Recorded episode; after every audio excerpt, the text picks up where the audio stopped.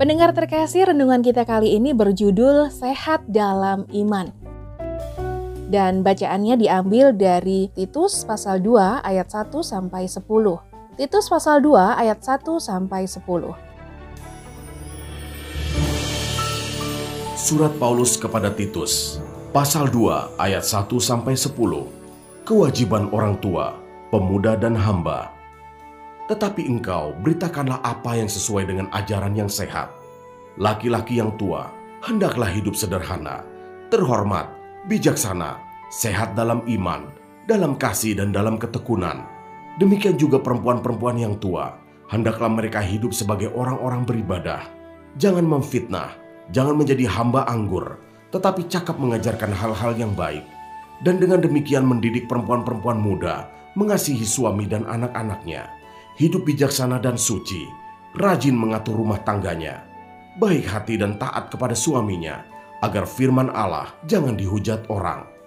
Demikian juga orang-orang muda, nasihatilah mereka supaya mereka menguasai diri dalam segala hal, dan jadikanlah dirimu sendiri suatu teladan dalam berbuat baik. Hendaklah engkau jujur dan bersungguh-sungguh dalam pengajaranmu, sehat dan tidak bercela dalam pemberitaanmu, sehingga lawan menjadi malu, karena tidak ada hal-hal buruk yang dapat mereka sebarkan tentang kita. Hamba-hamba hendaklah taat kepada tuannya dalam segala hal dan berkenan kepada mereka. Jangan membantah, jangan curang, tetapi hendaklah selalu tulus dan setia. Supaya dengan demikian, mereka dalam segala hal memuliakan ajaran Allah, Juru Selamat kita,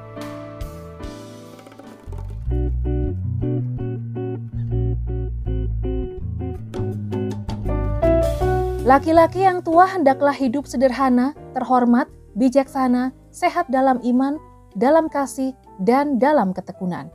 Titus pasal 2 ayat 2. Pendengar yang dikasih Tuhan, iman merupakan suatu kepercayaan kepada oknum yang dianggap lebih tinggi Rasa percaya itu akan menjadikan seseorang akan hidup sesuai dengan aturan yang dipercayainya.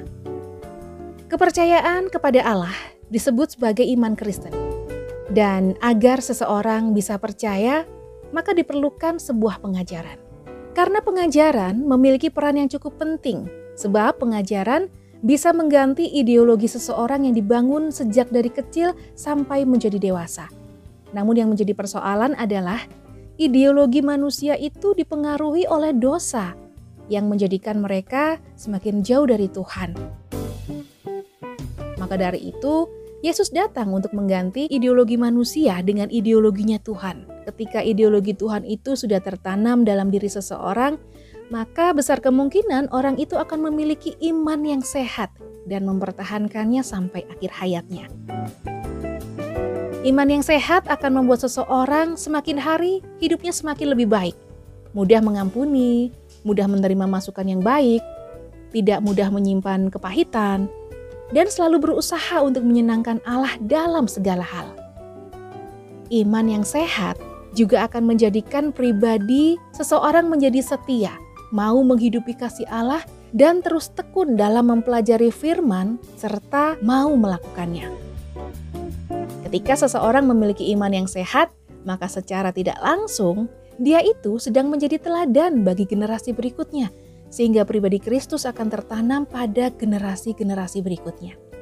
Pendengar yang terkasih, apakah Anda sudah memiliki iman yang sehat? Peganglah segala sesuatu yang telah engkau dengar daripadaku sebagai contoh ajaran yang sehat dan lakukanlah itu dalam iman dan kasih dalam Kristus Yesus. 2 Timotius pasal 1 ayat 13. Tuhan Yesus memberkati.